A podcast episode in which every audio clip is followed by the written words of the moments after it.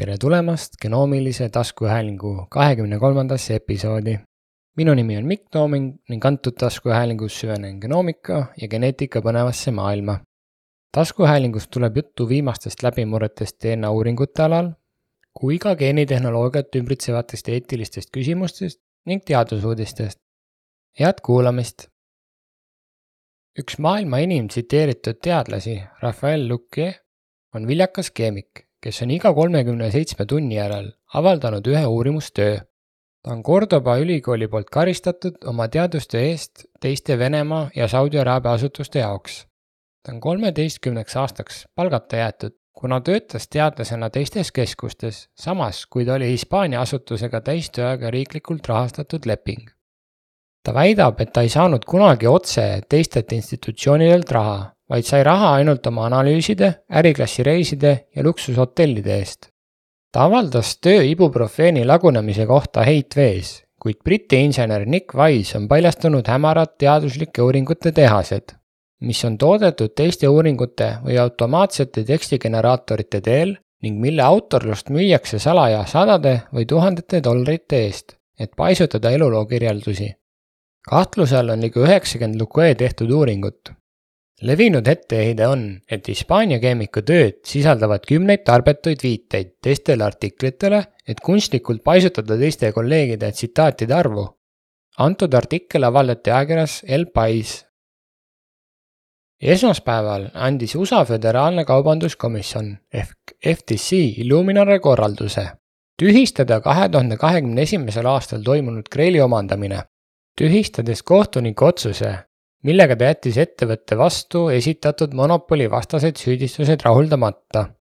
FTC usub, et tehing lämmataks konkurentsi ja innovatsiooni USA vähktõvetestide turul, tõstaks hindu ning vähendaks nende testide valikut ja kvaliteeti. loomulikult kavatseb Illumina otsuse edasi kaevata, mis automaatselt peatab otsuse täitmise.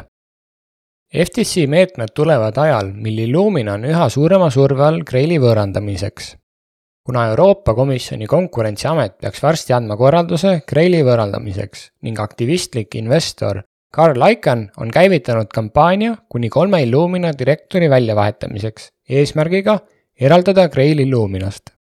Graili ülevõtmine vallandas konkurentsiregulaatorite uurimise nii USA-s kui ka Euroopas.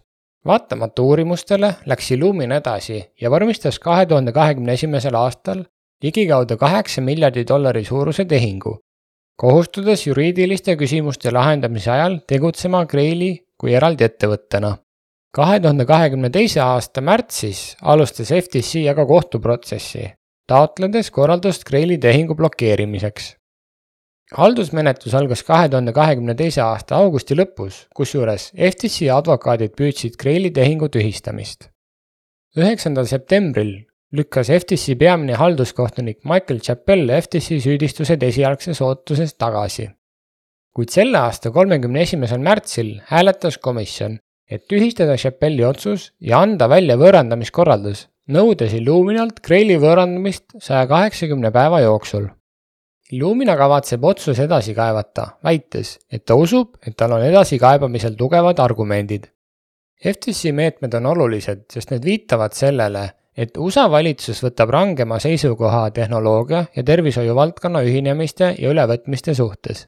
juhtum rõhutab ka konkurentsi tähtsust tervishoiutööstuses, eriti elupäästvate vähktõvetestide valdkonnas. esmaspäeva hommikul Nasdaqil kauplesid Illumina aktsiad kaks protsenti madalamal, kui nad muidu olid. hinnaga aktsia kakssada kakskümmend kaheksa dollarit ravimresistentsete infektsioonide kasvav levik toob kaasa uute patogeenide kiire identifitseerimise ja antimikroopsete tundlikkuse testimise süsteemide üha suurema kasutuselevõtu. enne Covidi pandeemiat oli kiire bakterite identifitseerimise süsteemide kaubanduslik maht tõusuteel, kuid pandeemia tekitas sellele tööstusharule ainulaadsed probleemid. kuna suurte tulemusuuringute puudumine, ebapiisav rahastamine ja regulatiivsed viivitused pidurdasid nende tehnoloogiate kasutuselevõttu sellest hoolimata on vajadus kiirtestimise järele suurem kui kunagi varem, sest antimikroobne resistentsus on suurenenud. olemasolevad andmed näitavad, et teatavate infektsioonide, eelkõige seente ja gramm-negatiivsete bakterite antimikroobne resistentsus on alates kahe tuhande kahekümnendast aastal järjest suurenenud. Nende hulka kuuluvad atsineetobakteri tüvedega ja seenevastastele ravimitele resistentne Candida aurisega seotud infektsioonid. Lisaks põhjustasid tõsised Covid-19 infektsioonid intensiivraviosakonnas omandatud sekundaarsete infektsioonide suurt esinemissagedust, millest paljud olid antimikrobiootikumidele resistentsed ravimresistentsete infektsioonide levimus suureneb, mistõttu suureneb vajadus patogeenide kiire identifitseerimise ja mikroobse tundlikkuse testimise süsteemide järele. Mõnedes USA haiglates algatati tugevad antimikroobse ravimi ohutuse programmid tänu Medicare ja Medicaidi service nõudele. AMR-ile on hakatud tähelepanu pöörama ka peavoolumeedias ning on täheldatud suurenenud investeeringuid AMR diagnostikasse selliste organisatsiooni poolt nagu Gatesi Foundation antimikroobse tundlikkuse kiirtehnoloogia tootjatel on parem juurdepääs klientidele ja mõned suuremad ettevõtjad on sisenemas sellele turule, näiteks Biomerieux, kes omandas hiljuti koos Specific Diagnosticsiga AST kiirtehnoloogia. vaatamata vajadusele kiirtestimise järele ja selle eelistele on investorid pandeemiapuhangute suhtes endiselt ettevaatlikud. traditsioonilised meetodid haigustekitajate kasvatamiseks ja identifitseerimiseks võivad võtta mitu päeva kiirsüsteemid võivad päästa elusid, vähendades aega, mis kulub patsiendi sobiva ravi alustamiseks. kiirtestid võivad vähendada ka laia toimespektrite empiiriliste ravimite kasutamist, mis võib põhjustada patsientidele toksilisi ravimeid ja potentsiaalselt suurendada haigustekitajate resistentsust. rõhutatakse kiirema diagnostika tehnoloogia täpsust, kuna peaaegu kõik ravimeetodid algatatakse praegu empiiriliselt ja neid muudetakse hiljem, kui tulemused on kättesaadavad. USA föderaalasutused on soodustanud uute tehnoloogiate, sealhulgas patogeenide kiirtestimise kasutuselevõttu ning FDA on andnud mitmetele kiiret tuvastamist ja AST tehnoloogiale läbimurdelise seadmele nõusoleku. riiklikud tervishoiu instituudid ja PARDA on samuti toetanud resistentsuse vastu võitlemiseks mõeldud kiiret identifitseerimist ja AST tehnoloogiaid, Carbixi ja selliste algatuste nagu AMR Diagnostic Challenge kaasasutamise kaudu CarbX on avaliku ja erasektori partnerlus, mille eesmärk on kiirendada antimikroobse resistentsuse vastu võitlemise diagnostika arendamist. selle raames on rahastatud viisteist projekti, mis hõlmavad mitmesuguseid lähenemisviise, sealhulgas patogeeni tuvastamist, antimikroobse tundlikkuse testimist ja resistentsuse geeni tuvastamist. CarbXi meeskond loodab nüüd julgustada rohkemate diagnostikavahendite turustamist, et toetada antibiootikumide asjakohast kasutamist, anda tulemusi otseproovist ja luua lihtsamaid ja taskukohasemaid tooteid madala ressursiga keskkondadele. Ameerika Ühendriikides oli esimene kiire identifitseerimise AST süsteem, mille FDA andis de novo heakskiidu Accelerate Diagnostic Pheno, mis seisis silmitsi mõningate takistustega, sealhulgas pika paigaldus- ja valideerimisperioodiga laborites. teised ettevõtted nagu Celux teevad ainult kiiret AST analüüsi, samas kui T2 Peasystems soovib esimesena turule tuua toote, mis võimaldab antibiootikumi resistentsuse testimist otse verest. USA riiklikus tegevuskavas AMR-i vastu võitlemiseks tunnistatakse, et on vaja rohkem teavet selle kohta, millal ja kuidas tuleks uusi diagnostikameetodeid kasutada ja kuidas need tuleks integreerida raviteenustesse siiski on pandeemia põhjustanud muutusi, mis võivad nüüd muutuda kasutuselevõtu osas, näiteks mikrobioloogia laborite töötajate arvu vähenemine ja mõne testimismeetodi maksumuse vähenemine. suurem rahastamine on hädavajalik, et edendada uudseid lähenemisviise AMR kriisi lahendamiseks ning väiksemad ettevõtted saavad kasu suuremate ettevõtte mastaabist, kellel on juba välja kujunenud suhted. Kiire identifitseerimise ja AST ja resistentsusprofiili koostamise üldine kasu on tohutu kuid kuni nende väärtust ei ole paremini hinnatud, on nende tehnoloogiate kasutuselevõtt jätkuvalt raskendatud. antud artikkel avaldati Genome veebis.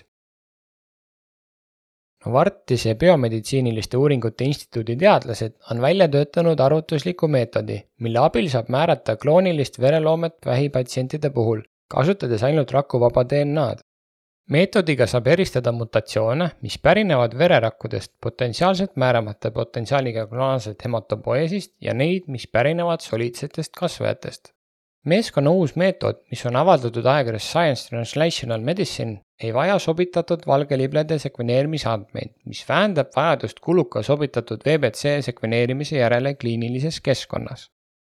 Teadlased kasutasid avaldatud treeningandmestikku, mis sisaldas sada kahtekümmet nelja metastaatilise vähiga patsiendi ja neljakümne seitsme terve kontrollisiku kasvaja, plasma ja sobitatud VBC sekveneerimise andmeid.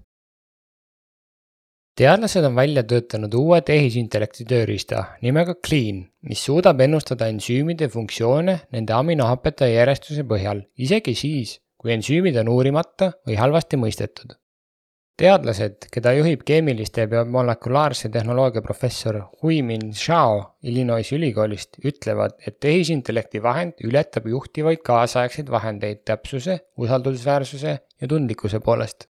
Clean kasutab valkude aktiivsuse prognoosimiseks nende keelt sarnaselt sellega, kuidas chat-GPT kasutab kirjakeele andmeid ennustava teksti loomiseks teadlaste sõnul aitab tööriist tuvastada kemikaalide ja materjalide sünteesiks vajalikke õigeid ensüüme, millest saavad kasu uuringud genoomika, keemia, tööstuslike materjalide, meditsiini, farmaatsiatoodete ja muud valdkonnad.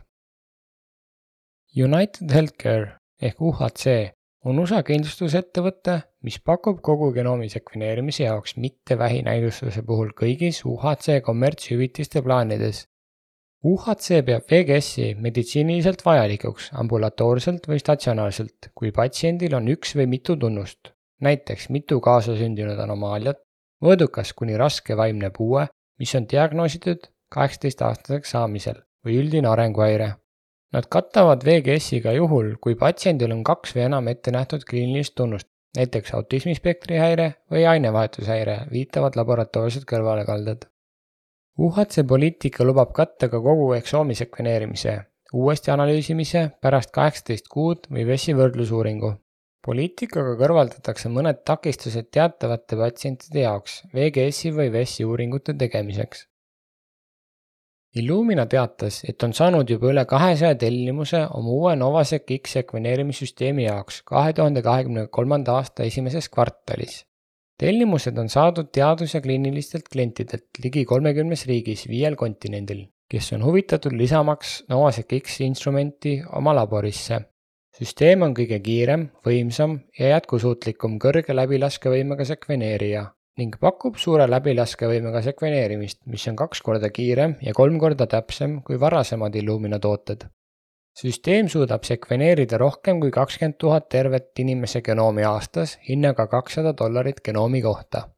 Novasec X on tõestanud, et see on sisenemispunkt klientidele, kes soovivad suuremat võimsust ja kiiremaid tulemusi sest viisteist protsenti eeltellimustest on tulnud klientidelt, kes on alles alustanud suure läbilaskevõimega sekveneerimist Novasec X pakub paindlikkust koos lihtsustatud ja tõhusa töövooga ning ettevõte on pühendunud oma klientide toetamisele ja kogu genoomi sekveneerimise edasise kasutuselevõtu edendamisel kogu maailmas. Hiina genoomikafirma BGI Genomics on laiendanud oma ülemaailmset kohalolekut, asutades kahe tuhande kahekümne teisel aastal üle tosina uue tütarettevõtte üle kogu maailma Need uued üksused asuvad neljateistkümnes riigis, sealhulgas Serbias, Kasahstanis, Araabia Ühendemiraatides ning on enamik neist liigitatud professionaalselt teaduslike ja tehniliste teenuste ettevõteteks. PGI Genomics'i eesmärk on edendada Hiina tehnoloogiat, kogemusi ja standardeid, mis kajastuvad tema ülemaailmsetes laienemisplaanides. ettevõtte eesmärk on suunata oma Huayan'i laborid rutiinsetele kliinilistele rakendustele nagu sünnieelne, onkoloogiline ja nakkushaiguste testimine ning samuti suuremahulised populatsioonigenoomika uuringud ja sõeltestid. hoolimata riskidest, sealhulgas võimalikest kaubanduspiirangutest, on BGI Genomics viinud lõpule viisteist tehnoloogiasiirde programmi üheteistkümnes riigis, kusjuures tema asjaomased testitooted on kättesaadavad enam kui saja kaheksakümnes riigis ja piirkonnas üle kogu maailma. BGI Genomics täheldas, et tema eelmise aasta kogutulu kasvas ligikaudu neli protsenti, mis ulatus ühe miljardi dollarini kui märkasid mõnda huvitavat uudist või sul on küsimusi, saad mulle kirjutada genoomiline at gmail.com. leiad mind ka Instagramist. tänan, et olid minuga ja head sekveneerimist!